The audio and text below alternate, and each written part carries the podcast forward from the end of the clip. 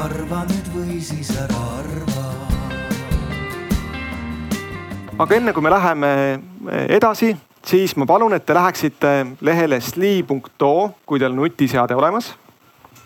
ning valiksite või kirjutaks sinna heaolu ning vastaksite mõnele küsimusele. esimene küsimus on, et kui paljud teist tegid kaugtööd enne aastat kaks tuhat kakskümmend? võib-olla senikaua küsin paneeli käest, et kas teie tegite kaugtööd enne aastat kaks tuhat kakskümmend?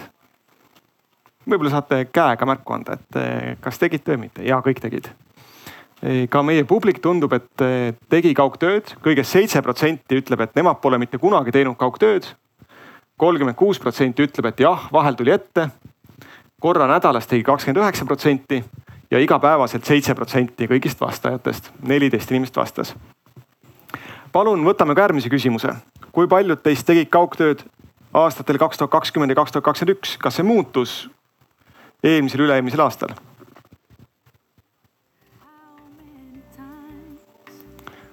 aastatel kaks tuhat kakskümmend, kakskümmend üks vähemalt meie publikum tegi kaugtööd palju rohkem. igapäevaselt tegi kuuskümmend kaks protsenti kõikidest kuulajatest kaugtööd.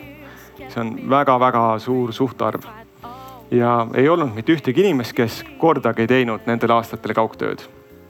korra nädalas tegi kolmkümmend kaheksa protsenti. ja praegu viimane küsimus kui paljud teist arvavad, et te jääte ka edaspidi rohkem kaugtööd tegema? Need tulemused jäävad meile ka hiljem alles. me nimelt oleme koostamas heaolu arengukava ja kindlasti heaolu arengukavas need on samuti meile heaks sisendiks. kuuskümmend neli protsenti arvab, et jääb tegema rohkem kaugtööd kui enne koroonaaega ning kakskümmend seitse protsenti arvab, et jäävad tegema, aga vähem kui koroona ajal. ning kõigest üheksa protsenti arvab, et nemad koroona ajal koroonaaja lõppedes enam kaugtööd nii palju ei tee. kui vaadata maailma statistikat, siis eh, meie grupp siin, kes täna on kuulamas, tulnud siia lava juurde, kes vastavad, armastavad kaugtööd natukene rohkem kui Eestis keskmiselt. Eestis keskmiselt umbes iga neljas inimene teeb kaugtööd eh, iganädalaselt.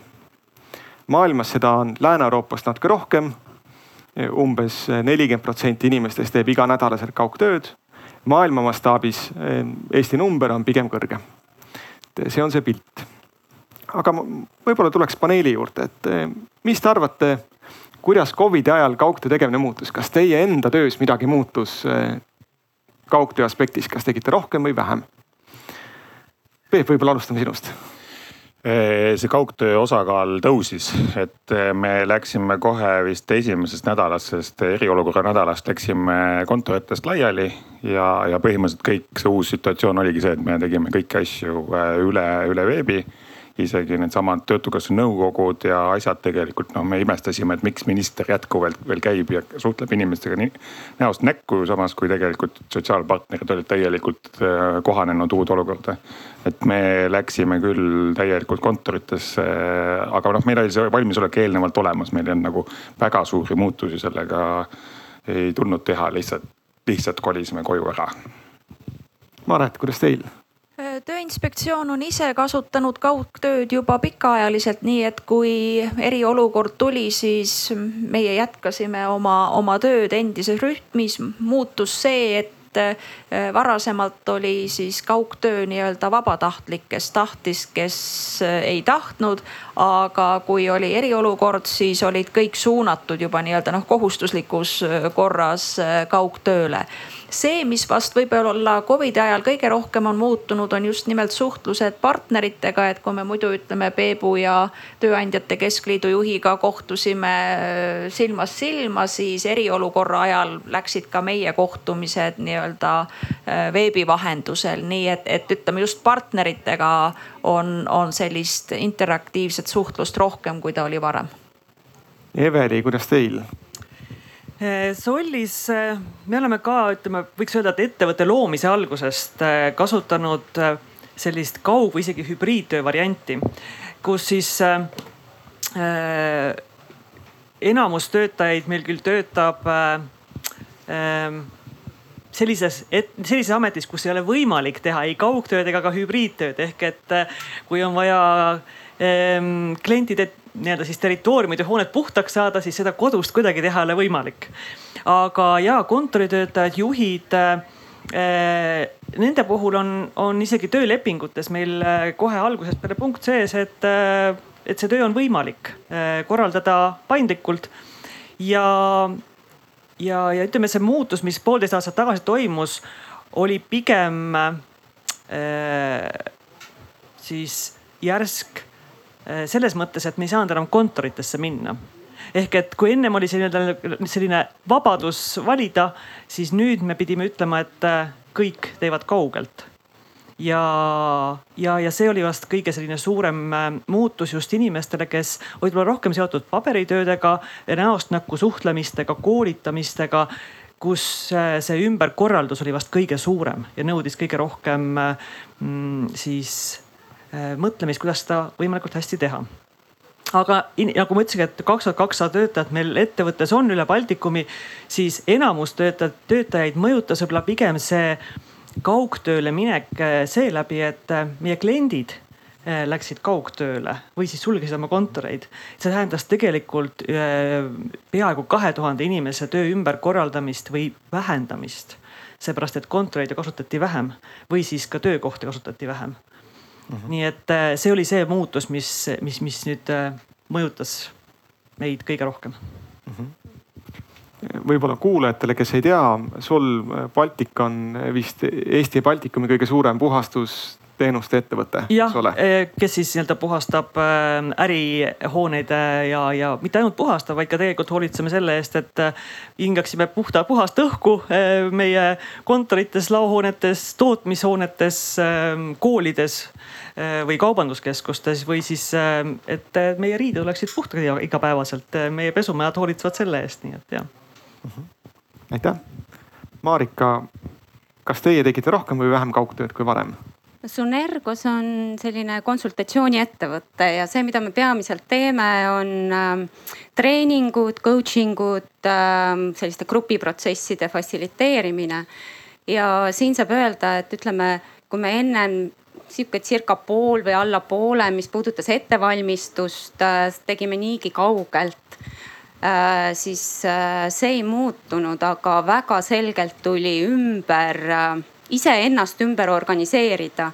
ehk et tegelikult töö läks kõik äh, virtuaalseks, äh, treeningud läksid virtuaalseks, äh, coaching ud läksid virtuaalseks. Ja eks see esimene laine oli paljuski ähm, nagu harjumine ja ettevalmistus, aga teine laine oli juba tegelikult töö kannatada ei saanudki enam mm. -hmm. nii et äh, päris suur selline harjumise, õppimise periood on olnud, mis on väga põnev olnud Te igapäevaselt annate eks nõu, kuidas kaugtööd korraldada mis on kõige põnevam näide mõnest ettevõttest, kelle puhul ei ootaks, et nad kaugtööd teevad, aga siiski eelmisel kahel aastal on hakanud kaugtööd tegema hmm.? no kas me nüüd otseselt nõu anname, me pigem mõtleme koos juhtidega, et äh, kuidas nende olukorras seda protsessi kõige äh, mõistlikum on korraldada Ähm, ja, ja see puudutab võib-olla rohkem just seda juhtimise poolt, et sellised praktilised nüansid äh, ähm, noh, kas, mis puudutavad lepinguid või, või töövahendeid ja kõike seda, et sellega ei ole nii palju kokku puutunud. mingit konkreetset näidet ma ei tea, kas te tohite üldse öelda meile? ma, ma isegi, mul ei tule isegi praegu nii okay. põnevat näidet kohe pähe. Peep mina ei ole kliendisaladusega seotud, ma saan öelda seda, et mind isiklikult väga üllatas kogu haridussüsteemi kolimine eh, kaugtööle.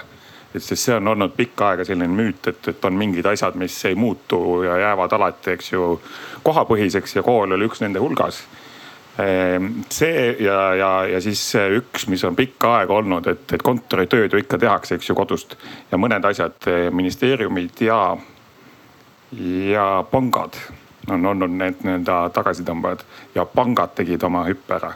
see oli minu jaoks ka üllatus, et nad said oma sellest kambist lahti, ehitasid oma IT-süsteemid üle, ümber ja, ja, ja ma tean mõnda panka, mis ei ole tänaseni põhimõtteliselt ilmselt hakkavad varsti müüma oma kontorit maja, maja maha, et lihtsalt ei lähe vaja enam.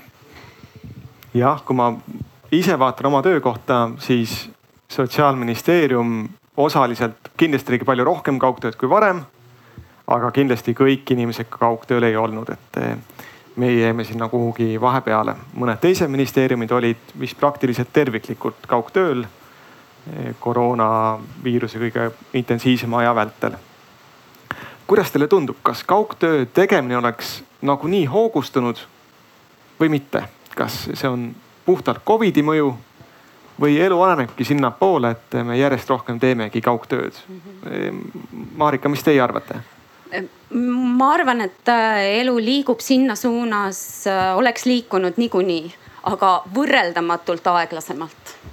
võrreldamatult aeglasemalt, et praegu tegelikult äh, asetati meid nii-öelda ookeanisse, et uju või upu. Ja, ja, ja see sundis muutma harjumusi.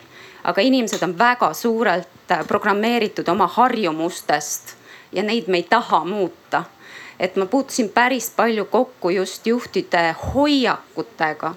et no mis mõttes, no mis tööd sealt kodust ikka tehakse. ja siis paari kuu pärast needsamad juhid ütlesid vabandust, me peame oma sõnu sööma, tehakse küll, tehakse veel rohkem isegi, see oli suur üllatus nende endi jaoks. Eveli, millal teie hakkasite mõtlema kaugtööle? ma kujutan ette, et eh, ilmselt Covidi ajal päris esimene mõte ei tulnud. ei tulnud jah, et ma siin enne mainisin, et eh, meie ettevõttes on see olnud nagu ühtepidi orgaaniline osa. et kui eh, kolmkümmend aastat tagasi Soll loodi Soomes, siis tollane omanik nii-öelda töötas välja juhtimispõhimõtted mis olid sel, sel ajal ka isegi Soomes täiesti midagi nii uut ja teistsugust. ta rajas tegelikult selle eh, juhtimispõhimõtted vabaduse ja vastutuse printsiibile. ja see tegelikult tõi kaasa sellise paindliku töösuhte juba tol ajal ehk juba siis hakati seda rakendama ja siis, kui Sol kakskümmend aastat tagasi Eestisse tuli, siis tuli see orgaaniliselt kaasa ja seda viljeleti ja viljeletakse siiamaani. ehk tegelikult, kui me poolteist aastat tagasi olime olukorras, kus kus väga paljude ettevõtete jaoks oli see uus asi, siis meie tundsime, et, et see on, see, see on tavapärane see selline töötamine siin ja seal. Ja meie kontoridki on ehitatud üles selliselt eh, üle riikide, kus me siis tegutseme, et igaühel näiteks ei olegi oma töökohta. mina töötan kolmes riigis, mul ei ole oma töölauda. Ja ma ei tunne sellel ikka vajadust. Ja, ja, ja, ja see annab nagu kaasagi sellele, et, et sul on võimalus mitte ainult nii-öelda kontoris kinni olla, vaid, vaid vaba, vaba, vabalt valida siis, kus kohas sa töötad kui võib, et siis võib-olla üks selline huvitav tähelepanek Äh, on, on see, mida Tööinspektsioon on oma infotelefonides pidanud küsimustele vastama ja mis on ka meie oma inimestel, et ühest küljest ollakse valmis ja tahetakse teha kaugtööd, aga ei ole valmisolekut loobuda sellest oma lauast. ehk et kui ka Tööinspektsioon kolis ja, ja siis meil juhtus selline näpukas, et meil number, et kui palju meil uues kohas töökohti on, äh, läks pöördesse. Ja, ja siis algasid kirjad, et oi, et aga mina teen kaugtööd, et kas nüüd minu töölaud kaob ära. Et, et selline oma laud, et ikkagi töö juures peab olema mul oma laud ja noh, ikka seda keegi jagada ei, ei saa, et see on tegelikkuses üllataval kombel ikka hästi tugevalt inimestesse juurdunud ja, ja ka nii töötajate kui ka tööandjate poolsed küsimused, tööandjad, kes näevad, et kui nii palju kaugtööd tehakse, kui on kaugtöö kokkulepped sõlmitud et kas on mõtet siis sellisel hulgal kontoripinda, et siin oleks ju võimalik äh, kokku hoida ja, ja sättida, et millal siis keegi tuleb kontorisse, kui on vaja kontoritööpäevi teha. aga, aga inimeste pool on ikkagi see pelgus, et kui ma äkki oma laua ära annan, kas see võib midagi kaasa tuua, et selline oma laua, laua igatsus on ikka hästi tugevalt sees. meie oleme selle lahendanud niimoodi, et mul oma lauda ei ole, aga mul on oma karbike et mul on oma karp, kus ma saan ja oma riiul, kus ma saan oma nii-öelda siis oma asjad panna vajadusel ja nii-öelda väikene kohake on olemas. ja et eks see sõltub ka siis ütleme selle kollektiivi vanuselisest äh, kooslusest, et mida vanemad on, on, on töötajad, seda rohkem see oma laua armastus on, on sees ja, ja mina olen nii-öelda ütelnud tööandjatele, et kui see on nii oluline, et äkki te siis saate, saate kaubale, et see üks laud mis on selle ühe hea töötaja jaoks vajalik, et noh, jätke ja püüdke siis neid teisi kombineerida, jagama nii, et. aga kust see tuleb, miks see laud on nii oluline inimeste jaoks? võib-olla see annab sellise emotsionaalse turvatunde, et noh, ikkagi ma seostan ennast ikkagi veel nii selle konkreetse kontoriga, et Äh, ma mäletan ju Peep, kui me tegime. Eesti keeles on töökoht. jah, et mäletad Peep, kui me tegime töölepingu seadust, siis oli ju meil üheks selliseks tõsisemaks vaidlusobjektiks, et kas me määrame töökohaks Tallinn või on see konkreetne aadress, eks ju, Tallinn Gonsiori kakskümmend üheksa. ja ma arvan, et see vaidlus tööandjate ja ametiühingu ja, ja riigi esindajate vahel kestis ikka hulgaliselt tunde, mitte nii, et see oli nagu nii iseenesestmõistetav, et ikkagi ikkagi see minu töökoht selles konkreetses kohas, see, see oli see, et mis peab seal lepingus olema ja, ja kindel, et siis on kõik kindel. Marika. Jah, et ühelt poolt on see kindlustunne, aga väga suur motivaator, mis inimestel on, on kuuluvustunne. Ja, ja kuidagi see sümboliseerib ilmselt see töölaud või see töökoht seda, et ma kuulun siia ja et praegu tegelikult tuleks ümber mõtestada seda, et kuidas anda inimestele sedasama kuuluvustunnet teiste vahenditega, teisel viisil. et selleks ei peaks olema töölaud. Peep see, see koha küsimus on jah, et me, me alles hiljuti kolisime uude kohta, kus me ei saanud inimestele enam personaalseid kabinette pakkuda. natuke oli see tagamõttega, et natuke infot paremini liigutada, et me oleksime üksteisele kuuldavad, et oleks mingigi selline nii-öelda meeskondlikkus. ja tõesti infovahetus sellest järsult paranes, aga me ei saanud, noh, kui nüüd on kahekesi inimesed toas, mina läksin kõige avatumale pinnale selle mõttega lihtsalt näidata ette, et kuule, et, et noh, ülemus ei võta endale, eks ju, nurgatagust, vaid vajadusel töötab koridoris. aga nad ei, neile selle alla ma ei saaks neil enam ära võtta, et noh, et üks näiteks töötaja, kes tõesti põhimõtteliselt töötab välismaal, käib nii-öelda välissekretär haruharva viibib, aga ta, ta vajab seda kohta, et ta nagu saab sinna tulla, et ta istub seal, see on minu, minu kola on siin, minu see huumus on siin, eks ju tulen siia, ma olen siin, et see on veider. ma tahtsin tulla selle juurde, et kas nüüd ähm,, et noh, et, et mis see nagu arengus juhtus et loomulikult sellist pealesurutud äh, olukorda, kus sa istud äh, kaugtööl, eks ju, seda nagu ei kujutanud ette, et see mass, mis nüüd tuli et see oli äh, võimas, eks seda ei oleks ilma tulnud. noh, ühesõnaga seda kogemust ei oleks me muidu kätte saanud samal ajal tegelikult me, me olime ju seda nagu hauganud ja ka uurinud või noh, nagu järeldusi teinud, et eh, kaugtööl ei ole kõik päris hästi, noh, et seal on ka mingid ohud ja mingisugused viperused on juhtunud. seda me tegelikult olime, olime varem kogenud. nüüd lihtsalt on see, et, et kuna see praktika nii massiivne, siis me näeme, et kõik need asjad, mida me ennustasime, et juhtuvad kaugtööl, need ka tegelikult juhtusid.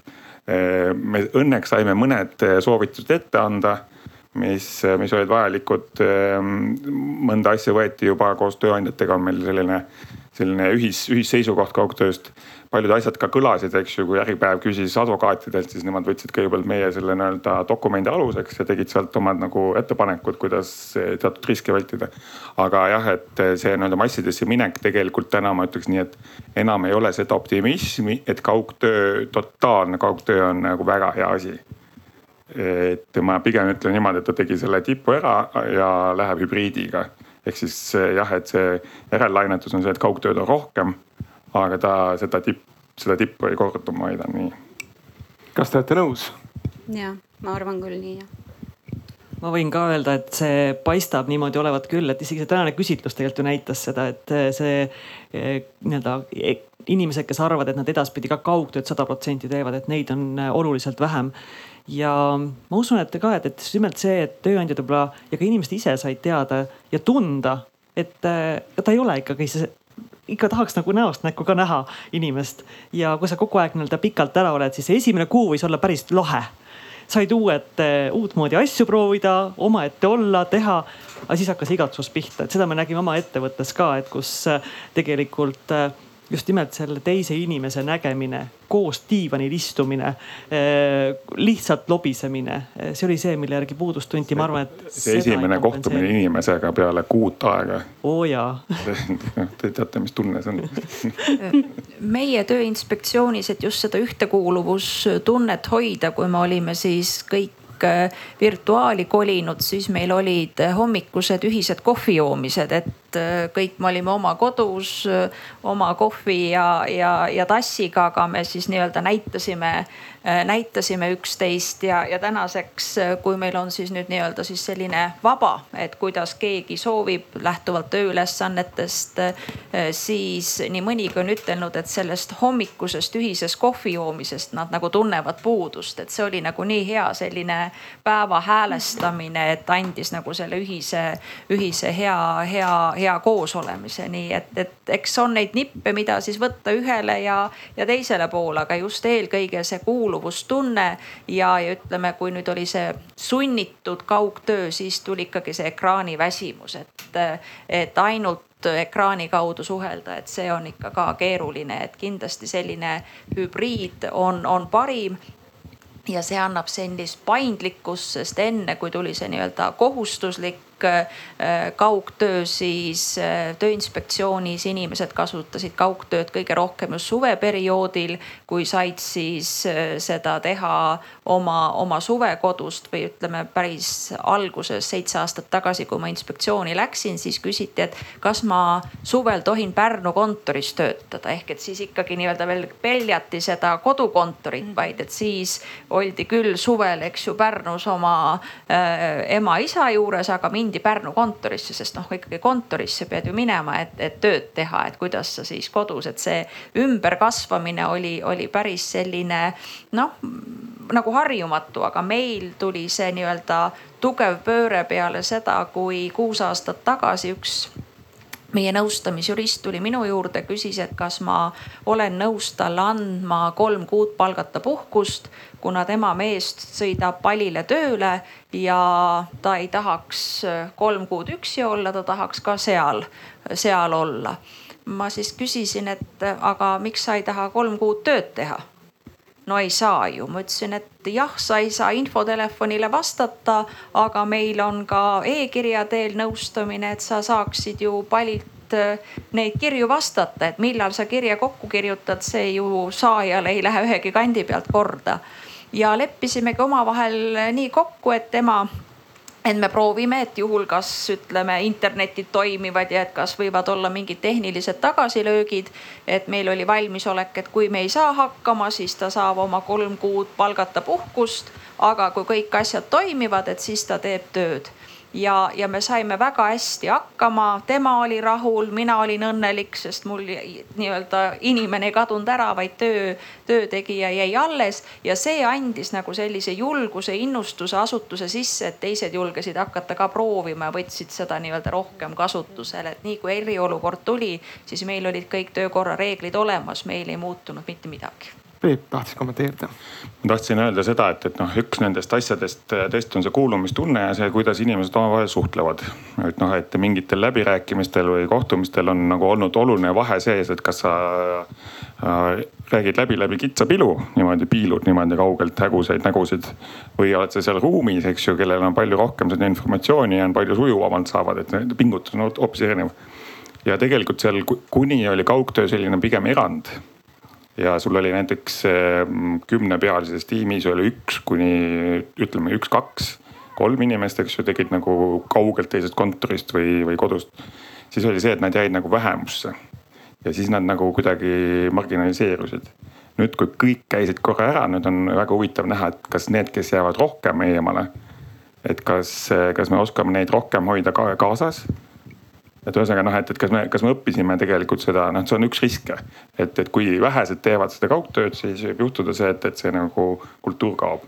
aga noh, tänane hübriid on see, et jah, et sa iga koosolek on sul korraga kaks, eks ju, korraga mõlemad. Peep, et see risk, mis sa välja tood, on, et eh, need inimesed, kes kontoris ei käi, neid ei panda tähele. Need langevad pildilt ära, jäävad kõigest noh, noh jah, kaovadki lõpuks nagu, lõpuks nagu töösuhe lõpeb, sellepärast et see kontakt on ebakvaliteetne. jah, ja karjäärivõimalused vähenevad, sest kõik, keegi neid ei märka.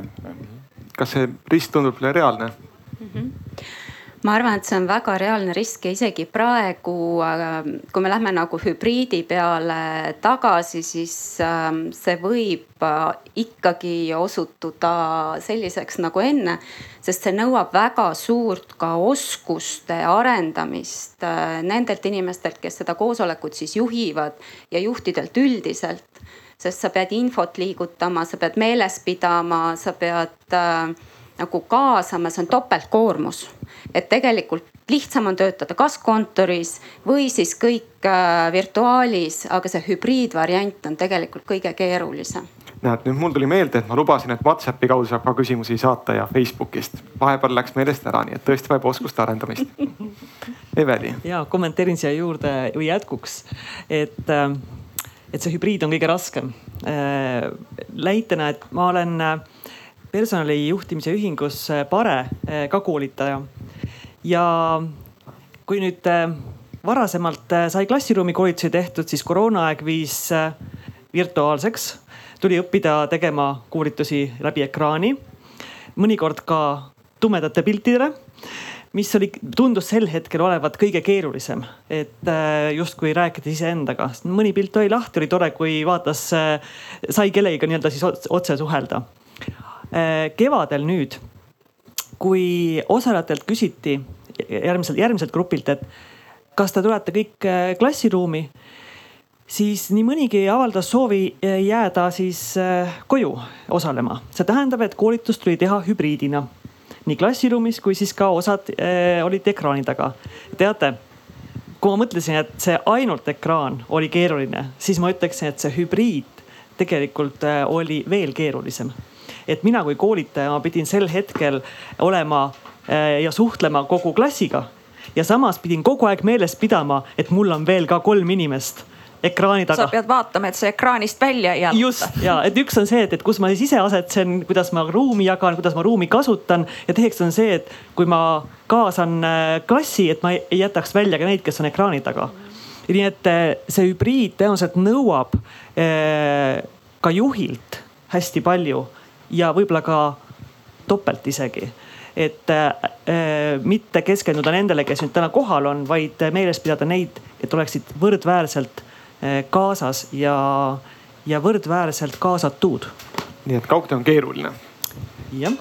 et äkki, kui meil oli jah, viimati me tegime tööandjatega siis selle sellise hea tahte kokkuleppe või ma ei mäleta, kuidas ta, ta see nii-öelda pealkiri oli kaugtööst kus me nii-öelda põhiideed nagu äh, läbi käisime, eks ju, et sul peab olema hea varustus, ligipääs informatsioonile. sul on juhtimisriskid, me mainisime need ära, et võib-olla nüüd seekord, kui me ja me oleme kokku leppinud, me teeme nüüd selle selle viimase ralli pealt teeme siis uued järeldused ja uue, äh, uue täiendatud, äh, täiendatud versiooni sellest kokkuleppest.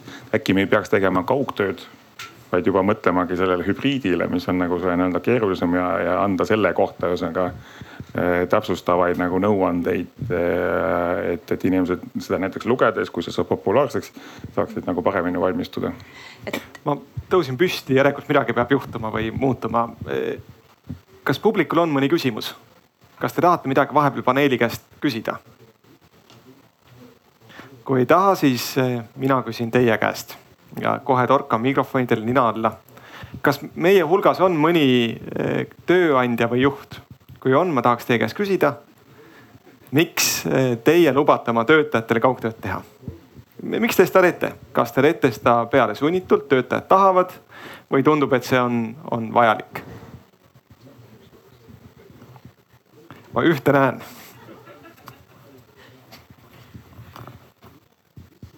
ja aitäh, ma mõtlesin, ma ei tõsta kätt, et sotsiaalministeerium ikka siin nagu räägib, aga tere.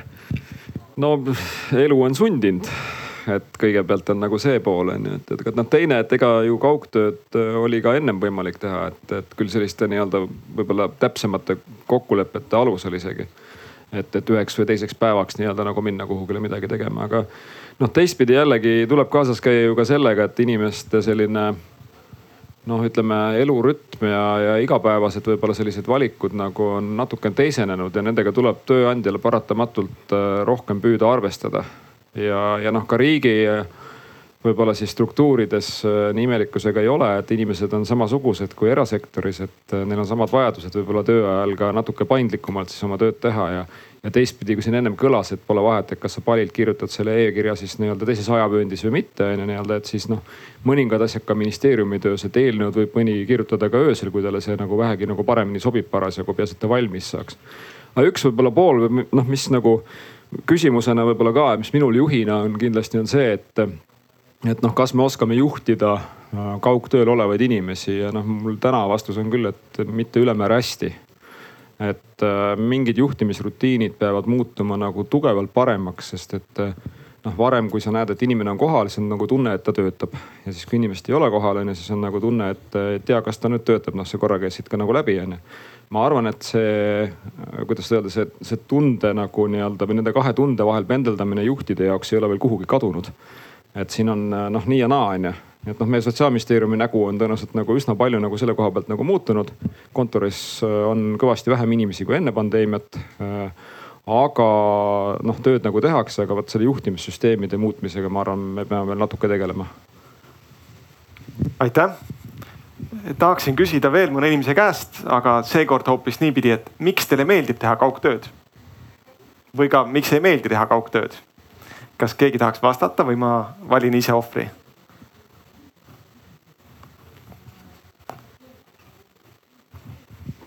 aitäh küsimuse eest ja ma pean ütlema, et mulle ei meeldi kaugtööd teha, et mulle meeldib inimestega rohkem koos olla. kas kellelegi meeldib teha kaugtööd?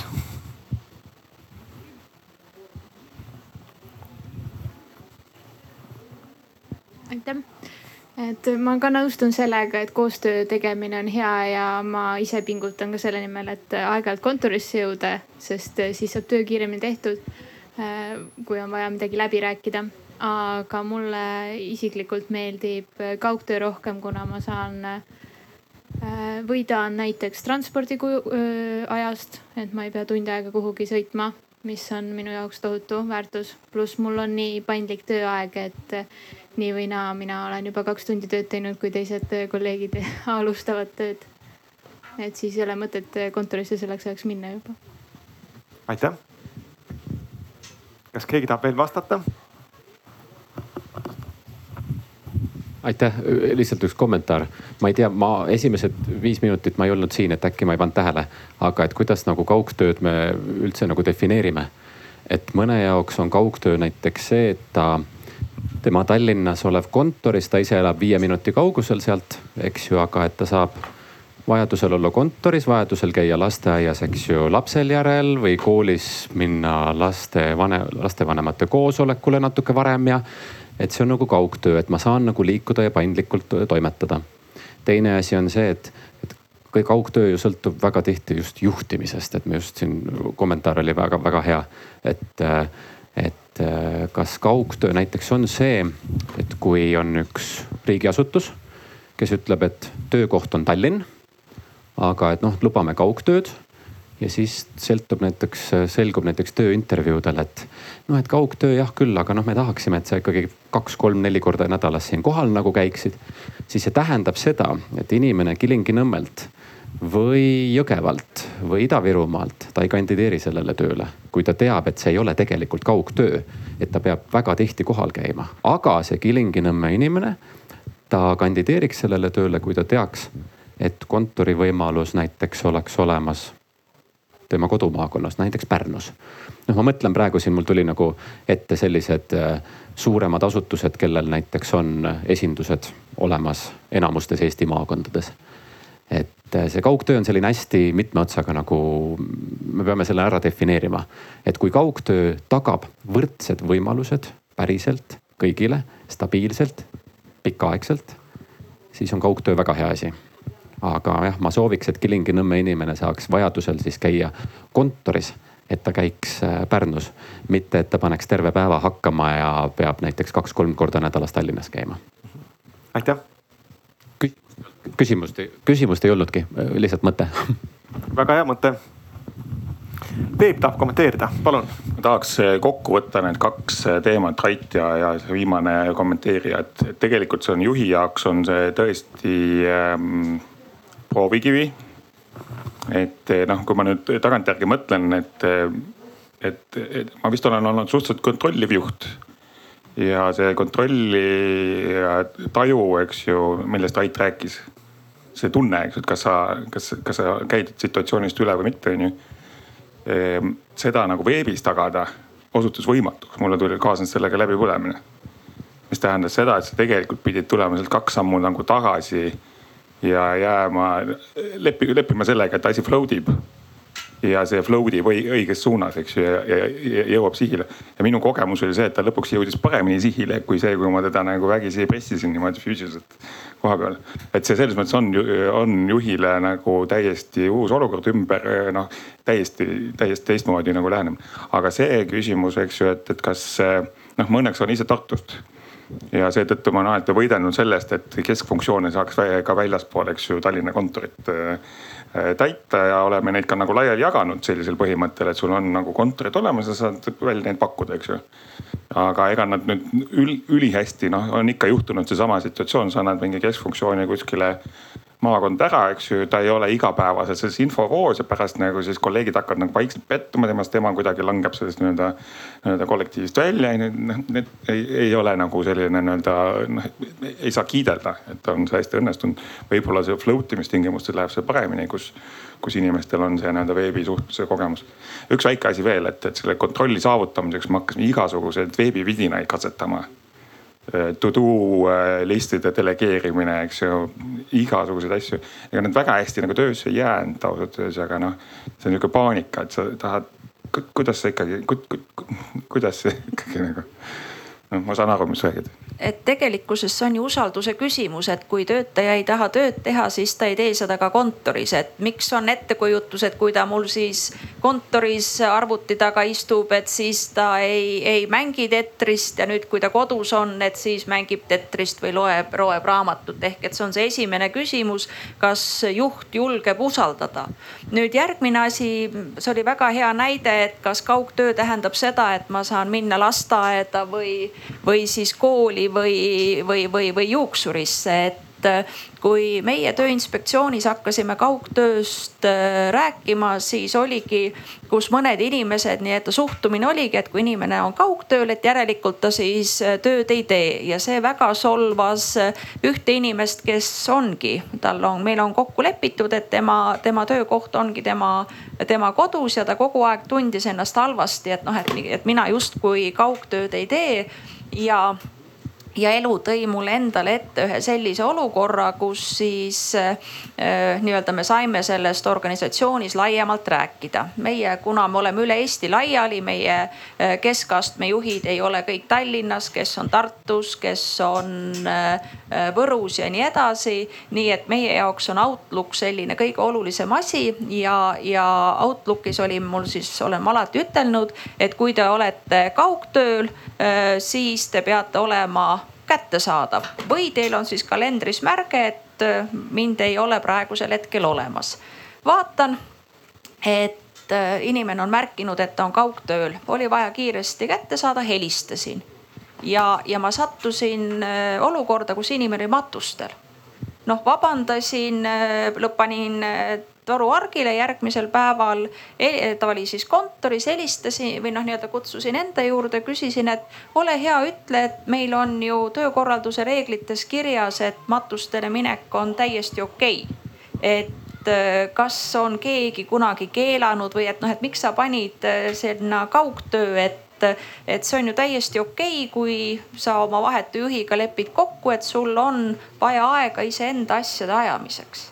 Ja, ja ma olen alati ütelnud inimestele, et noh, et kujutage ette olukorda, kus teie panete ennast kaugtööle ja me kohtume kas siis juuksuris või, või kaupluses, et siin enne jõule, eks ju, kui me veel olime üheskoos Gonsiori tänaval, oli vaja, eks ju, Stockmannisse joosta, et toidulaud katta ja siis näed, eks ju, inimesi kõik kaugtööl ja siis hakkavad piinlikult pead ära pöörama, eks, aga mina olin kirjutanud, ma lähen Stockmanni poodi, eks, et noh, et nii palju siis enne kui ise lähete, et vaadake minu kalendrist, et noh ärge siis sammasse poodi tulge või midagi, ehk et siin on nagu väga oluline, et omavahel need lepped kokkulepped äh, sõlmida ja et ka juhid äh, ette näitaksid, et jah, näete, mina panin oma kalendrisse, et mul on vaja praegusel hetkel hetkel äh, minna sinna see, see poes käik ära teha, jah, ja ma pärast teen oma ära, et noh, et kaugtöö märkimine kalendrisse ja kui te seda ei kasuta kaugtööks, et siis see on ju nii-öelda minu tagant tööaja varastamine. aga räägime omavahel läbi, on täitsa okei okay,, kui vahest on vaja oma asju tööajast ajada kui ei taha ütelda, kus sa oled, sa paned kalendrisse, vahetu juhiga on need kokkulepped tehtud ja nii on minu arust täiesti okei okay ja see selliselt toimib, toimib kordades paremini, kui luuletatakse mingeid kahtlaseid kohtumisi eh, mingite partneritega, mida reaalselt olemas ei ole. Marika publikust kõlas vahepeal küsimus, et eh, tahaks inimesi kaugtööd lubada ja tegelikult juba teeme seda, aga juhtida on maru keeruline. vastab tõele ja ja ma tulen jälle selle juurde tagasi, mis ma alguses ütlesin, et tegelikult me oleme oma harjumuste ohvrid, me oleme harjunud toimetama teatud viisil ja, ja juhtimine on täpselt samamoodi harjumuspärane tegevus.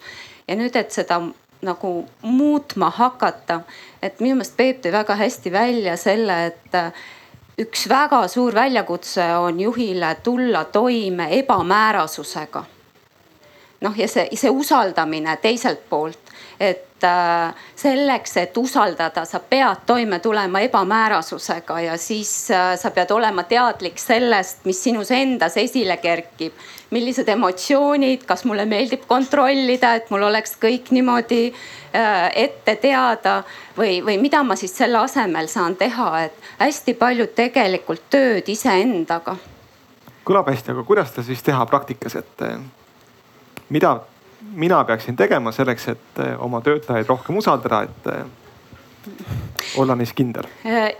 ja võib-olla siin on eh, veel teise sellise laiema noh nagu hoiaku teema ma tooks sisse, et kuna ma ennem seda väitlus või vestlusgruppi siin osalesin haridusalas ja, ja seal ütles, oli vaja õpilast Eesti esindaval õpilasel teha ettepanek õpetajatele. ja minu meelest see ettepanek ähm, on analoogne, mida töötaja võib teha juhile. ja, ja see kõlas nõndamoodi, et, äh, et äh, nähke meis inimest. ma olen vahest täiesti väsinud, ma ei jaksa, väljas on pime et ei pea kohe selle ainega peale tormama, et võiks natukene lihtsalt niisama rääkida ja, ja, ja mõni õpetaja vahest kuulab ja ma, ja siis tekib motivatsioon. ja täpselt sama on tegelikult ka, ka töötajatega, et, et nii õpetajad kui juhid, ühed armastavad oma ainet, teised armastavad neid tulemusi, seda valdkonda, mida nad juhivad ja see on nagu kõige tähtsam. läbi selle on ka see roll defineeritud, mida oodatakse õpetajalt, mida oodatakse juhilt ja seal läheb kaotsi see, et tegelikult me teeme seda ju inimeste abiga ja, ja, ja oskus näha seda inimest. Eveli, kuidas Sollis te selle probleemiga toime tulete? ma võib-olla räägin oma kogemusest, ma võin öelda, et ma olen olnud nüüd peaaegu neli aastat kaugjuht, kui nii öelda. ehk minu enda tiim äh, on, asub kolmes riigis. mul on Eestis, Lätis ja Leedus ja nad näevad mind siis nii-öelda vaheldumisi nii kuidas ma siis riikide vahel liigun. ja minu enda kogemusest ma võin öelda, et eh, sellises situatsioonis oma tiimi juhtida, siis number üks on eh, suhtlemine. ma pean olema olemas oma tiimi jaoks kättesaadav ja ma pean ise eh, teadlikult kommunikatsiooni kogu aeg üleval hoidma see tähendab seda, et iga töötaja, olenemata sellest, kas ta siis, kas, kas ja kui kaugel ta siis minust on, peab äh, omama teatud aega minuga ühiseks aruteluks või siis ka tiimi aruteluks, et see on, teine on see nii-öelda see tiimitunde loomine ja tiimitunde äh, tekitamine, mis on ka hästi oluline üks juhi ülesanne. teine, mida ma ütlen, et kuidas siis, kuidas juht saab või mida ta peaks tegema, on tegelikult kokku leppima eesmärgid, selged, arusaadavad ja, ja niimoodi, et, et ka töötaja aru saab, et äh, kuidas ja mismoodi tema neid siis eesmärke äh, peaks saavutama. ja, ja kolmas on see, et, et siis regulaarselt äh, vaadata, arutleda edenemise üle, et, et, et, et võib-olla see ongi see koht, kus on see küsimus, et kas ma nii-öelda iga, igapäevaselt kontrollin või ma vaatan arutleme nende edenemise üle, et kuidas me siis edeneme, kuidas me läheme, läheneme nende eesmärkidele et äh, mina olen pigem see juht, kes igapäevaselt äh, kontrollirauda ei löö, vaid eeldan seda, et just nimelt nüüd tuleb see käiku see usaldus. et usaldan oma töötajat nii palju, et äh, kokku lepitud asjad saavad tehtud ja selleks, et ma tean ka seda, et aeg-ajalt olles kaugel võib tekkida olukord, kus tekib kas demotivatsioon või, või tagasilangus. Aga selleks pean olema mina juhina õigel hetkel kohal, et seda märgata ja küsida, kas sa vajad abi. Aga see eeldabki sellist järjepidevat ja tihedat suhtlust ja ma võib-olla veel lisaksin, et siin kaugtöö puhul on ka väga oluline see, et kas sellel töötajal on nii-öelda sobiv koht, kus kaugtööd teha, et kas tal tõesti on, on olemas siis ütleme, kui ta teeb seda kodus tõesti sobiv, sobiv töökeskkond ja kas tema pere seda toetab ja kas ta seda mõistab, et et kui nüüd eriolukorra ajal oli nii-öelda sattusid kaugtööle ka need inimesed, kes seda tavaliselt ei teinud, siis äh, väga palju tuli tagasisidet, et nii-öelda kodused nagu ei mõistnud, et ema on kodus, järelikult siis lõuna ajal peab olema supp, praad ja magustoit või et nüüd ütleme suvel, kui ma ise tegin äh, kaugtööd ja, ja, ja ema küsis, et noh, mis kell sul äh, tööpäev hakkab, ütlesin, mul on kell kaheksa esimene koosolek, koosolek lõppes, siis mõtlesin, ma lähen nüüd võtan endale juht, juua. noh, kas nüüd on tööpäev läbi või? Ehk et ma ütlesin, et ei, ei, et mul noh, koosolek sai läbi, aga mul on siin seda paberitööd ja seda teha. ehk et nii-öelda, kuidas kodused mõistavad seda, seda kaugtööd ja kas nad nii-öelda saavad aru, et noh, et jah äh, pereliige ei ole, eks ju nüüd kontoris, vaid et ta ikkagi nii-öelda on kodus, aga, aga ta teeb tööd, et teda ei tohi segada, et ja, ja need tingimused, et see on ka nagu väga oluline, et et ei sunnitaks kedagi kaugtööle, kui tal seda nii-öelda keskkonda ei ole, mis soovit-, soodustaks tal seda töö tegemist. või kui inimene ise tunneb, et ta ei suuda ennast nii-öelda kodus kokku võtta, et noh, eks kaugtööd tehes oli, oli ju ka need asjad, kus mõni tunnistas, et oi, et tööpäev hakkab läbi saama, aga ma olen jätkuvalt hommikumantlis ehk et noh esimene koosolek äh, hakkas, hakkas vara pihta, ei jõudnud ennast sättida. Ehk et seesama asi, et ikkagi äh, kui ma teen kaugtööd, et siis ikkagi nii-öelda tõmmata vahe sisse selle töö tegemise ja, ja siis selle eraelu asemel. Ehk et paljud juhid kardavad, et kui me nüüd lubame kaugtööd, et äkki siis teevad inimesed vähem tööd, aga tegelikkuses on välja tulnud, et tehakse seda tööd rohkem ja, ja ei tule meelde, et peaks nüüd koju minema. Ehk et kaugtööd tehes on ka väga oluline, et kuidas siis oma inimesi toetada selles, et nad saavad aru, et nüüd tööpäev algab, nüüd tööpäev lõpeb ja täiesti okei okay ja oluline on vahepeal teha ka neid pause ja et see töökoht oleks ikkagi nii-öelda siis ergonoomiline, et me ei, ei toimetaks ainult nutitelefonis või pad'is nägin ise sellist olukorda, kus äh, vaatan, töötaja oli pannud nii-öelda sildi, et ta kaugtööl, aga tal on laptop laua peal. ma siis helistasin talle, küsisin, et kuule, et sa, et kuidas sa saad teha kaugtööd. Äh, noh, meil turvareeglitest järele lähtuvalt oma arvutiga sa tööd teha ei saa, et sul on töö. oi, ma teen telefonis, ma ütlesin, tead, mulle see ei sobi, et, et sa teed telefonis, teed seepärast, et mis teeb sinu kael, mis teevad sinu silmad, et noh mina tööandjana vastutan sinu tervise eest ja telefonis sina tööd küll teha ei tohi. et tule palun tööle, võta oma arvuti koju kaasa ja, ja kui sa tahad pikalt teha kaugtööd kodus, siis või võta ka palun ekraan koju kaasa, ehk et see on ka, mida tuleb jälgida. Peep hästi lühidalt kommenteerin selle, et äh, üks asi, mida kodus saab, on see, et, äh, et kui tööinspektsiooni soovitus on äh, muuta tööasendit. eks ju, et järgmine asend on alati õige asend, eks ju. et siis see valik on nagu oluliselt laiem mina on igatsen töö juures ikkagi seda võimalust, et saaks nagu päris selili ka tööd teha. ja see telefon näiteks on mul selleks abiks, eks ju, et et mingi konverents jookseb, eks ju, ja seda saab teha niimoodi kas sa viitasid siin Tarmo Kruusimäe kaasusele või? ai, õigus on taunitud jah, vabandust mul läks meelest ära, et see on taunitud, aga tegelikult on nagu noh, need asjad, kus sa pildiga ei pea osalema, eks ju, et sa suudad vahet teha ja siis tegelikult tõesti avardub see võimalus, kus sa saad teha, sa saad. ei, selle vastu ei ole mul, mulle midagi, kui sa konverentsi kuulad nutitelefonis, aga kui sa nutitelefonis kirjutad pikka kirja, siis, siis selle üle ma rõõmus ei ole. kui sa teed seda üks kord, kaks korda, aga kui sa teed seda pidevalt, siis ma mitte ei taha äh,, taha kuulata pärast sinu peavalude või siis siis karpaalkanali sündroomiga, millega tuleb tegelema hakata. Need, need, need ma kõik saan, aga ma tahtsin tegelikult, mis ma, see oli praegu lihtsalt reaktsioon, mis ma tegelikult tahtsin öelda, on see, et, et ülitähtis on see, noh, me praegu nagu fokusseerime, et üks on see no, tehniline tase sellest täna saavad kõik aru, eks ju, mis on vajalik tehniliselt selleks, et saaks töötada. sul on vaja, eks ju, kaugligipääsetavat serverit, sul on tõenäoliselt vaja natuke veel võib-olla Outlookist järgmist taset Teams'i, eks ju, mis on natuke nagu nad väidavad, et see on see tulevane alaline keskkond, kus toimetatakse. et, et keegi enam meile ei saada ehm, noh, nii nad väidavad, ma ei tea, me, me täna oleme küll Teams'is ja, ja tõesti kolleegide vahel põhimõtteliselt on nagu teemade kaupa, eks ju, seal ennast ära jaganud. noh, mingid need ütleme niimoodi, et see nii-öelda infra peab olema tarkvariline ja, ja tehniline. seda tegelikult ju ei, väga paljud ettevõtted olid sellega hädas, seesama pangandus, eks ju, nad ei suutnud seda teha turvaliselt. eks ju, seda nii-öelda andmevahetust. see oli põhjus, miks nad seda varem ei teinud. et see on üks, üks pool, siis on see, eks ju, et juhtimise nagu iseärasused, et teatud juhtimisviisid või siuksed suhtumislikud lähenemised enam ei saa töötada, sa lihtsalt noh, see, see ei saa olla nii, sa pead nagu lähenema teistmoodi, ilmselt väike ümberõpe või mingisugune vähemasti vestlus, soovitused. ja siis on tegelikult jällegi töötaja.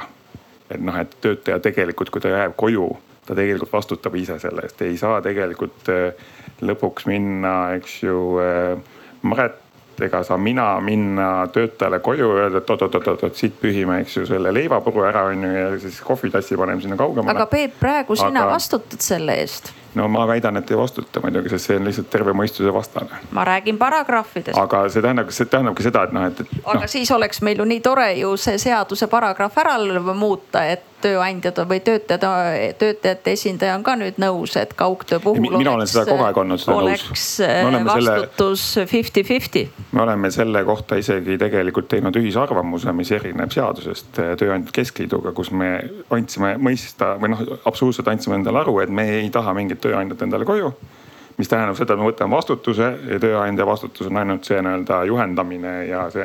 ühesõnaga see, see, see on see, mis meie kokkuleppes täna on kirjas.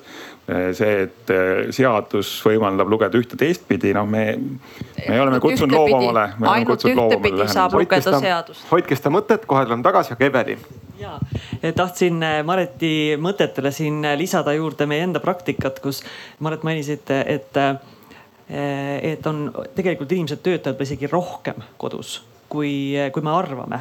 ja tegelikult siin on see ohukoht või see riskikoht, et eh, seda pidurit ei osata tõmmata ise aeg-ajalt õigel hetkel ja siin on see jällegi see juhi roll tulla ka mängu, et märgata seda inimest siis, kes eh, kipub, kelle päevad kipuvad minema pikemaks või liiga intensiivseks ja kes seda ise teha ei oska või ei suuda.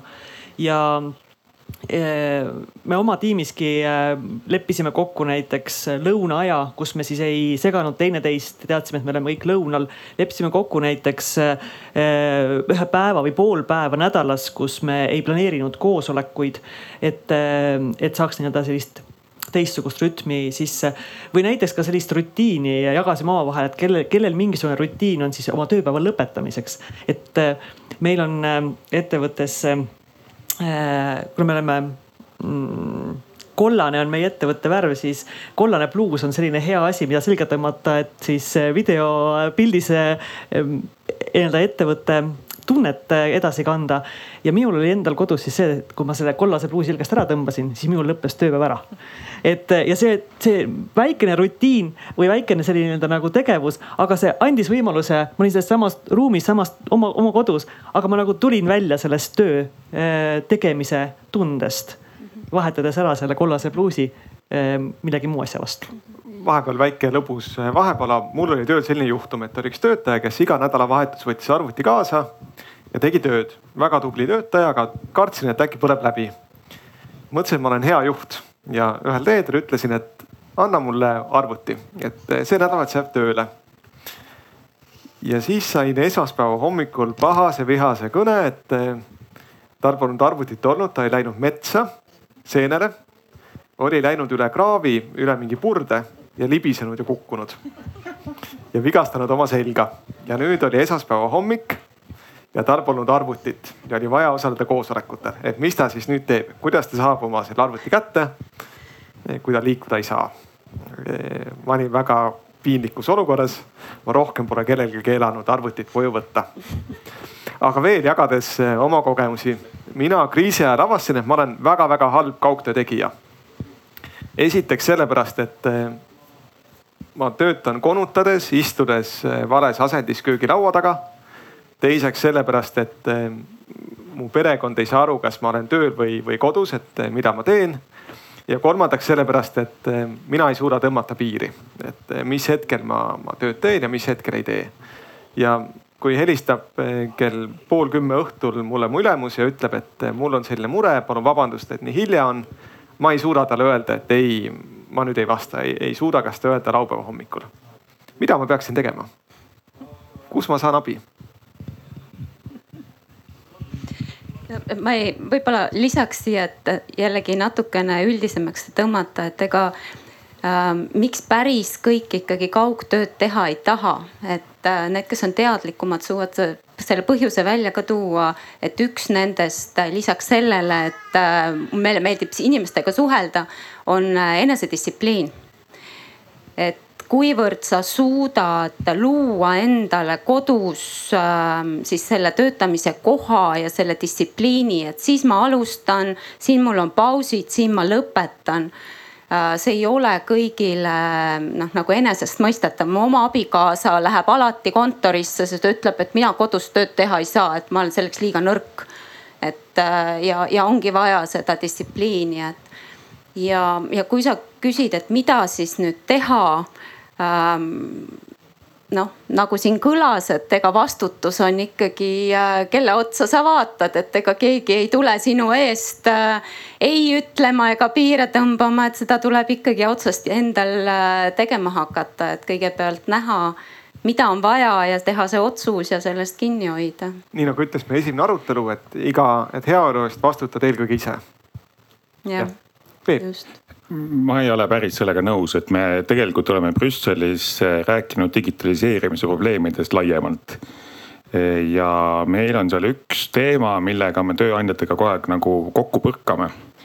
Ehm, ja neil on väga mitmekesiseid eh, vastuseid sellele mõnes riigis on see teema juba jõudnud seadustesse, aga, aga noh, küsimus, et kas me saame üle-euroopaliselt selles kokkuleppele ja see on see õigus lahti ennast ühendada mul on olnud Eestis selline olukord, et äh, selline tunne, et, et meie oma tööandjatega isegi saaksime keskliidu tasandil kokkuleppele, näiteks Toomas Tammsaar ütles küll, et kõige rohkem ta vihkabki sellist nii-öelda äh, mitte tööl, mitte kodus, no mitte puhkes, eks ju. ühesõnaga seda nii-öelda ebamäärast äh, situatsiooni, mis tegelikult tapab nagu kõige rohkem.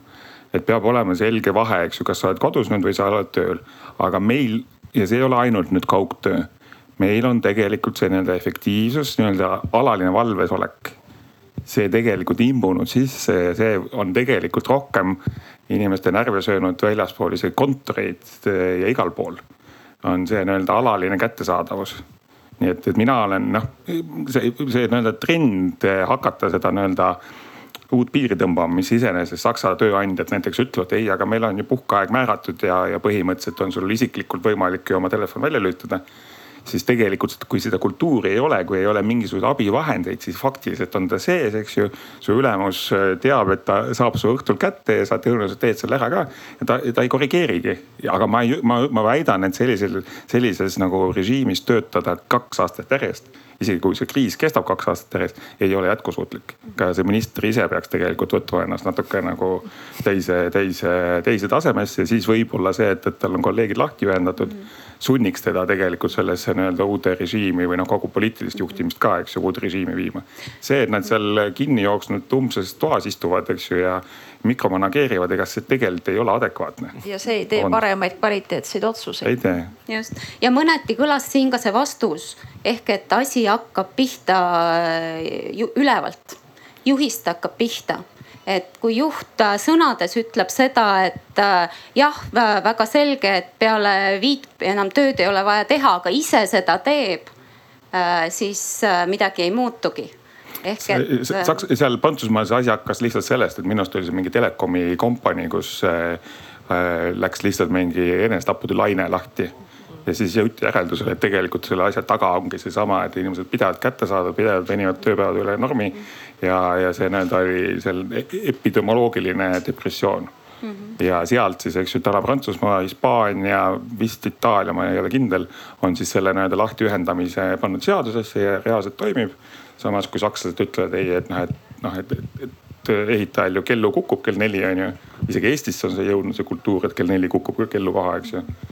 aga vot arvuti kurat ei kuku, eks läheb katki, ma ei tea, telefon ei kuku maha no ma arvan, et see, et midagi nüüd kohe seadusesse raiuda paragrahvina, kas, kas see on see, aga pigem on see nii-öelda organisatsiooni kultuur, milles on omavahel kokku lepitud, mismoodi äh, tööd tehakse, millal tööd tehakse.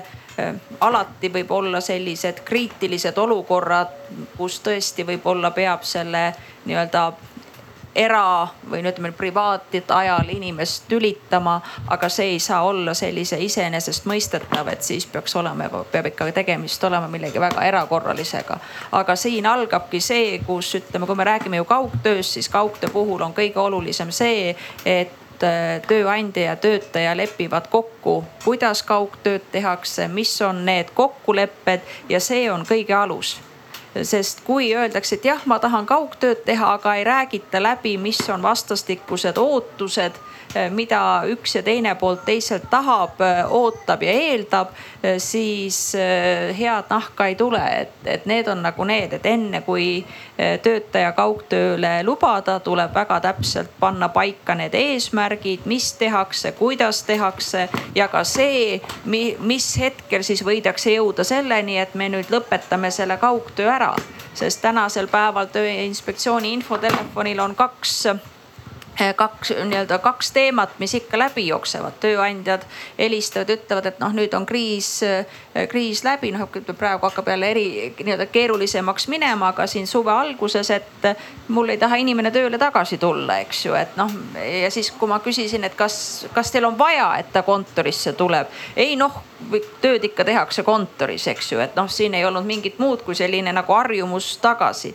või siis, siis teistpidi, et ma nagu tahaks kaugtööd tööd teha, et, et siin jälle need omavahelised kokkulepped ja, ja noh, mis on ka olnud, et et on olnud mingisugune arusaami, arusaamatus ja siis tööandja ütleb, nüüd sa enam ei tohi kaugtööd teha, justkui kaugtöö tegemise äravõtmine on siis karistus, et noh, see taaskord nagu ei, ei saa, ei saa olla see nii-öelda, nii-öelda karistuse aspekt, vaid pigem, et milles kokku lepitakse, kuidas kaugtööl töötatakse ja mis juhtudel siis üks või teine osapool ütleb, et ma enam ei tee kaugtööd, et kas siis äh, nii-öelda kvaliteet langeb, mingid asjad jäävad tegemata, tähtaegadest ei pea kinni. et need räägitakse siis läbi, et kui tõesti inimesele ei olegi võimeline kaugtööd tegema objektiivsetel või subjektiivsetel põhjustel. Eveli. ja ma olen hästi nõus nende kokkulepetega, et jällegi ettevõtte või tööandja poole pealt äh, näen seda, et äh, seal ongi see tegelikult selle asja nii-öelda siis see lahenduse võti.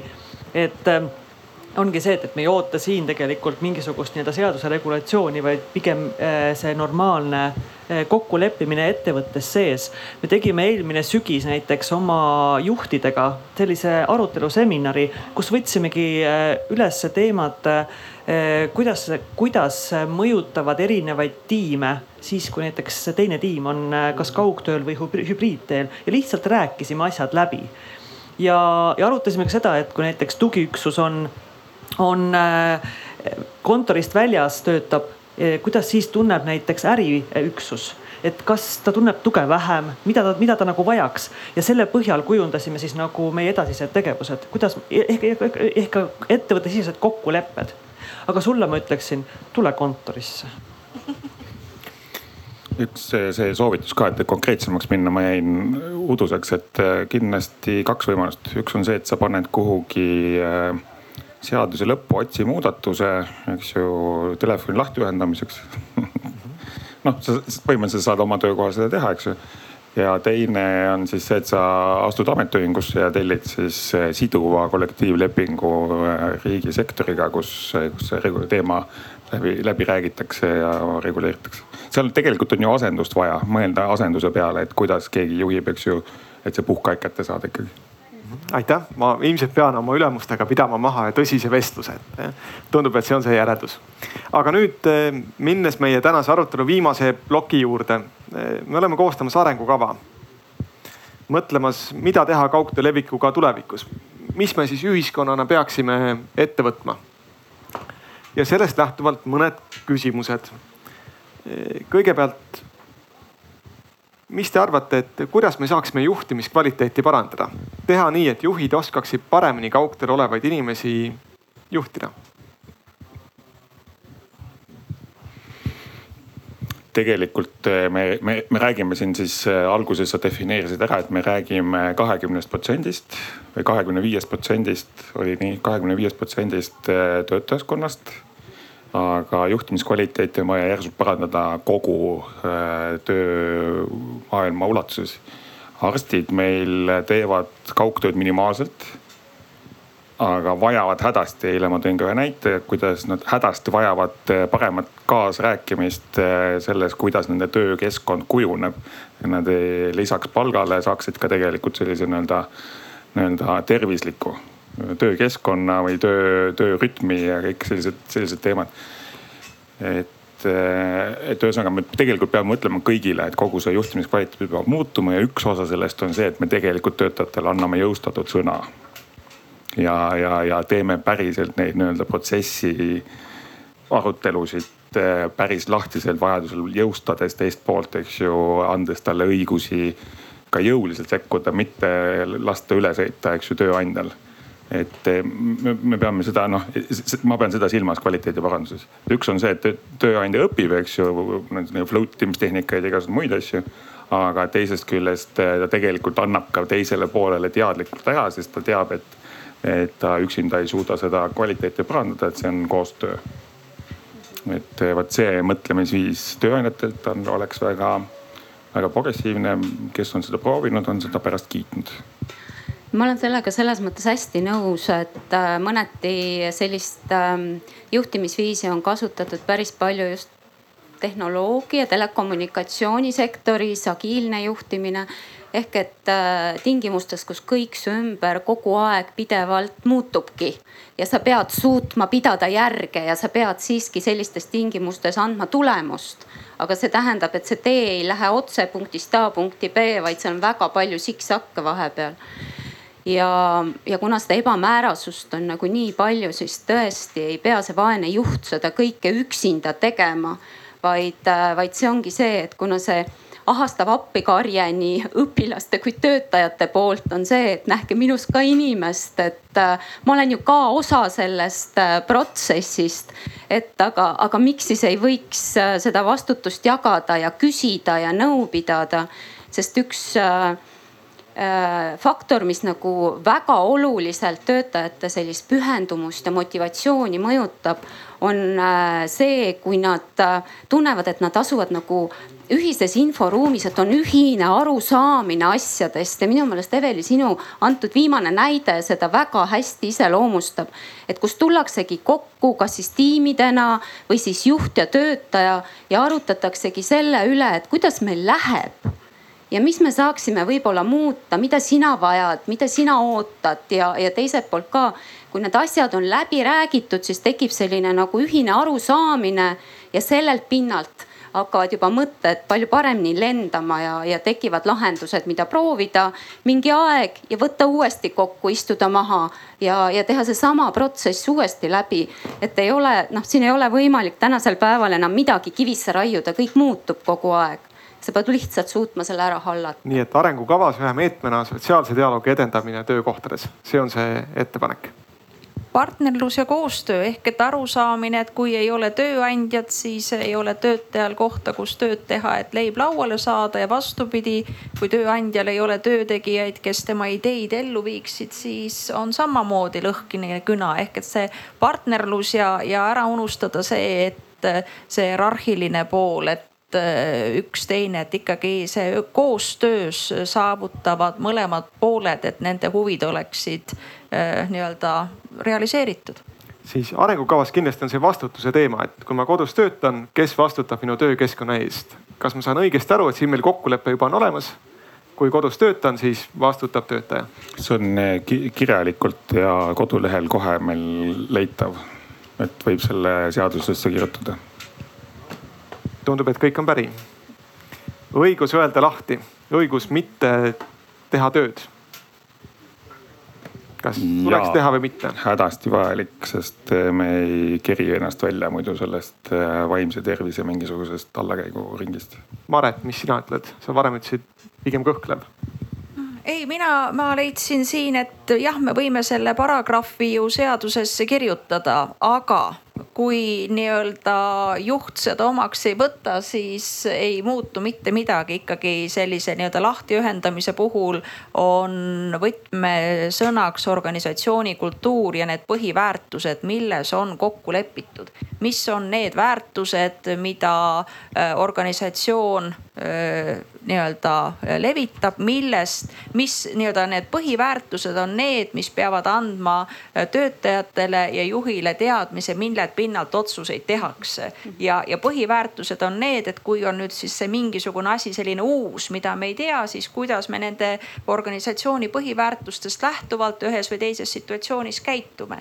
et minu arvates äh, ma, ma olen väga skeptiline selles, et kui me kui me nüüd ütleme, et et me paneme ta seadusesse sisse, kindlasti ta survestab osapooli selle peale mõtlema. aga kui me vaatame, eks ju, ähm, mis asjad meil kõik seadustes kirjas on ja mina nii-öelda järelevalveasutusena iga päev, eks ju, tehes järelevalvet näen ka konkreetseid rikkumisi. et siis ma ei usu, et see lahtiühendamine paragrahv seadusesse pannes kannab sellist efekti kui nii-öelda ühiskond ütleb, et see on väärtus ja selle puhul ise hakkab nii-öelda hindama seda, et ma lähen teatrisse, siis ma ei näpi enne etenduse algust telefoni või juba on saal pime ja siis te näete, kuidas kogu, kogu saal helendab, sest on vaja ruttu mingisugune sõnum ära saata või Facebooki ennast üles panna. ehk et see, see on nii-öelda selline sisemine kultuur ka väga palju, et kuidas me hindame iseenda aega, kuidas me hindame äh, teiste aega, aga, aga, aga kõigepealt ikkagi hakkab see organisatsiooni kultuurist ja nendest väärtustest. Eveli ja eh, ma usun ka, et võib-olla tõesti ettevõtete puhul, kus, kus eh, võib-olla juhid ei, kas ei aktsepteeri või on piisavalt mm, ei näe seda vajadust, ütleme mis hetkel, võib-olla see seal aitab see nii-öelda, kui see seaduses ära sõnastada, on ju. aga, aga, aga üldiselt jah, ma olen nõus sellega, et, et selle peaks ära tegelikult lahendama pigem ettevõtte enda kokkulepped ja, ja see kultuuri pool mm ka mina olen oma tiimile öelnud, et jah, ma mõnikord töötan väga vara hommikul, aga ma ei eelda seda, et, et sina mulle sel hetkel kohe vastad kell kuus või kell seitse hommikul ehm, ja olen ka näiteks andnud soovituse, et äh, tehes andes ise eeskuju, et puhkusele minnes äh, minu telefoni ükski email sisse ei tule. Äh, ma saan seda tõmmata ise, kui ma tahan. Ja olen öelnud ka oma töötajatele, et tehke, tehke nii. Ehk et see on seesama, et kuidas mina juhina seda sõnumit edasi annan ja edasi kuvan see on kultuur. ma veel ütlen vahele, et siin on ju see paindlikkus, et kui me ühest küljest tahame seda tööaja paindlikkust, et siis nüüd ütelda, et alates poole viiest äh, sa enam ütleme arvutisse sisse ei saa, et kesk, kesksüsteem lukustab ära, et kas see on päris see, mida ma tahan, et võib-olla mul on seal keset päeva vaja vahepeal natuke muud teha, et, et siin ühest küljest ütleme, me peame hoidma piiri, et me ei lähe nii-öelda töötamisega üle piiri, aga me peame hoidma ka seda paindlikkust ja seda nii-öelda siin ikkagi on see organisatsiooni kultuur ja väärtused. just ja, ja ma ütleks, et äh, tegelikult selle kultuuri kandjad on lõppkokkuvõttes igapäevaselt inimesed oma nagu otsustega, oma tegemistega ja viitan just ennekõike juhtidele, et see nõuab äh, ühest küljest väga suurt julgust ja teisest küljest teadlikkust et ma tõesti võtan siis sekkuda, et noh, nagu sa ise tõid näite, et sa võtsid arvuti ära, et mõningatel hetkedel on seda tõesti vaja teha. aga, aga kui sa seda ei tee, siis mis sõnumit see kannab? Ja kui sa seda teed, siis mis sõnumit see kannab, jällegi natukene selle, seda tuleb ka lahti rääkida, et et tegelikult sellistes väikestes igapäevastes tegevustes, sekkumistes, ütlemistes ja mitteütlemistes hakkab see kultuur ja need väärtused elama minu küsimus on see, et, et kui kiiresti kultuur tekib ja, ja mis on see mõistlik tempo kultuuri nagu juurutamiseks. et võib-olla oleks pidanud sellele töötajale kõigepealt võtma ära kaheks tunniks, siis kolmeks ja siis niimoodi et ta noh. ja siis, kui ta on juba, eks ju ümber, ümber maja kõndinud, siis läheb kunagi metsa ka, eks ju. siis ta ei kuku seal aga ei, nali naljaks, tegelikult kompromiss siin on võib-olla see, et ma saan aru tõesti see, et, et sa ei saa ühe mm, luuaga lüüa igale poole, aga ma hästi ei osta ka ära seda, et, et, et mingi kultuur ise muutub ehk siis võib-olla kompromiss on see, et see teema ikkagi valuliselt tõsta hirmutamisega, et see läheb seadusesse, väidelda sel teemal ja sõlmida siis selle pealt mingi selline nii-öelda mõistlik kokkulepe, millega oleks võimalikult palju inimesi kaasa mõelnud ja, ja isiklikult ka võib-olla otsuse langetanud, sest ega see, et, et kellu eh, ehitajal käest kukub, see tuli Soomest kaasa ja ehitaja lihtsalt kukub käest ja tööandja ei saa selle kohta midagi teha. Üks teema, mida me täna ei ole puudutanud, aga mis võib-olla ka peaks arengukavas olema, kaugtöö ja andmekaitse. kas peaks olema teema või mitte, kas eh, peame keelama tööandjat sõnaselgelt seaduses, et ta ei tohi teha näiteks eh, kuvapilte mm, töötaja arvutist või et ta ei tohi veebikaamerat panna mm, programmiga tööle, et see teeks eh, iga tund pildi töötajast. on see teema teie meelest või kuulete esmakordselt? ma sihukesi õudusi kuulen esmakordselt aga ei, selles mõttes see nii-öelda kiusatus kogu aeg nagu see noh, seesama jutt, eks ju, kontrolli saavutamine. Meil need kaamerad, me oleme nagu mõnes kohas noh, bussijuhtidega näiteks oli see, et bussijuht küsib, aga kui ma nokin nina, eks ju, bussiroolis ja siis äh, jõuti järeldusele, et okei okay,, ainult noh, et miks need kaamerad on, on ju aususe tagamiseks, on tehingualasse suunatud. ehk siis inimene ei ole piisavalt kaasatud. aga me oleme igas nagu, nagu töölõigus sellega pidanud kokku puutuma. hooldajatel oli näiteks küsimus, miks neile pannakse äh, sinna nagu puhketuppa kaameraid, eks ju, või kõik toad on kaameratega kaetud, et kas on üks koht, kus ma võiksin ilma olla. kas vetsu tuleb kaamera või ei tule, umbes nagu see jutt selline, tegelikult noh, see on liialdus vetsu ei tahetud aga kas vets on ainuke koht, kus ma saan nagu olla ilma jälgimata? rongijuhid vaidlevad, ühesõnaga tegelikult see nii-öelda pidev, see nii-öelda kiusatus on ju noh, totaalselt nagu jälgida või noh, saada see kindlustunne. et siin tegelikult oleks vaja mingisugust regulatsiooni, sest mulle tundub, et täna see dialoog töökohal ei anna adekvaatset tulemust või me peaks natuke selle, sellest rohkem rääkima Eveli. mulle tundub, et see kaugtöö ja andmekaitse võib olla seotud või seda võiks vaadata selle kandi pealt, et äh, siis äh, ettevõtte tundlike andmete kaitse, sealhulgas isikuandmete kaitse. noh, toon näitena personalivaldkond, minu enda tiim näiteks, keda ma juhin. Eh, kas need isikuandmed võivad rännata töötajate koju ja kuidas seda seal siis käsitletakse. või näiteks see, et kui ka meil on näiteks tundlikel teemadel eh, videokõned, siis oleme kokku leppinud tiimis, et ainult kõrvaklappides, sest et sealsamas kodus võib olla ju ka veel teisi kõrvasid, kuhu ei tohi see info jõuda.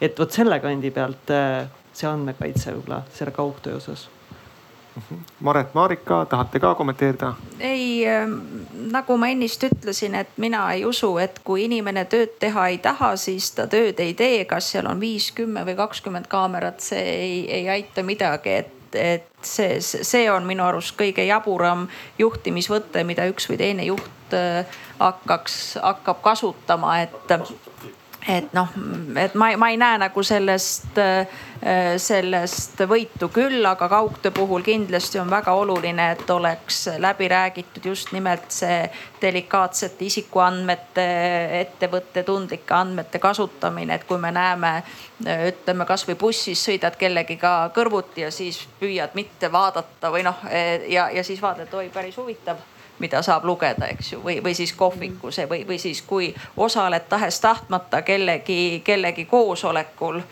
ja siis mõtled, et äkki võiks mõne hea soovituse anda või midagi sellist, et, et, et see, see on, aga, aga ma ei näe nagu küll, et me peaks hakkama siin nii-öelda kaugtöö puhul tege, alustama töötajate jälgimisega ma ütleks võib-olla ainult seda, et äh, selline soovitus, minu meelest väga eluterve soovitus juhtidele on see, et äh, enne kui sa nagu midagi otsustad teha või, või ütled, et paned kaamera, ei pane kaamerat. et küsi endalt, et miks see oluline on, et miks ma seda teen, mis ma sellega võidan, mis on need võimalikud ohukohad? Ja kas seda saab võib-olla kuidagi teistmoodi teha, et, et see miks küsimus äh, nõuab natukene mõtlemist, võtab aega ja võib-olla sellepärast äh, teda tihtilugu ka ei äh, esitata iseendale no vot, aga meie arutelu on vaikselt saanud juba peaaegu lõpuni. kas keegi tahaks veel midagi panelistide käest küsida, ma hea meelega annaks lõpetamise au publikule. kas on mõni küsimus? Kätt praegu ei, tõu ei tõuse, ainult viipekeeletõlgi tõusis käsi. selge, aga siis ma teen ise kokkuvõtte mulle tundus, et täna meil oli päris õpetlik arutelu. õppisime, et juhtimine on võti ning küllap tulevikku vaadates me peame juhtimisega tegelema, kuidas kaugtööd juhtida. mina õppisin, et ma pean oma juhile hakkama vastu ja ise kehtestama reeglid. ja saime ka teada, et mida me arengukavas peaksime reguleerima ning saime kohe kokkuleppe, kuidas seadust kohe võiks muuta. ma loodan, et teil oli sama põnev ja kasulik kui mul sellega see arutelu lõpeb, aga tänane päev heaolu laval ei lõppe. poole tunni pärast algab arutelu, mis küsib, kas Eestis on pensionipõlv muretu või on pensionäridel tühjad pihud. ning ka see arutelu saab olema väga põnev ning kogu päeva vältel saate minna SKA pensioninõustamise telki ning küsida iseenda pensioni kohta. Milliseks kujuneb teie pension tulevikuks ja mõelda koos nõustajatega, kuidas seda parandada. aitäh aitäh panelistidele.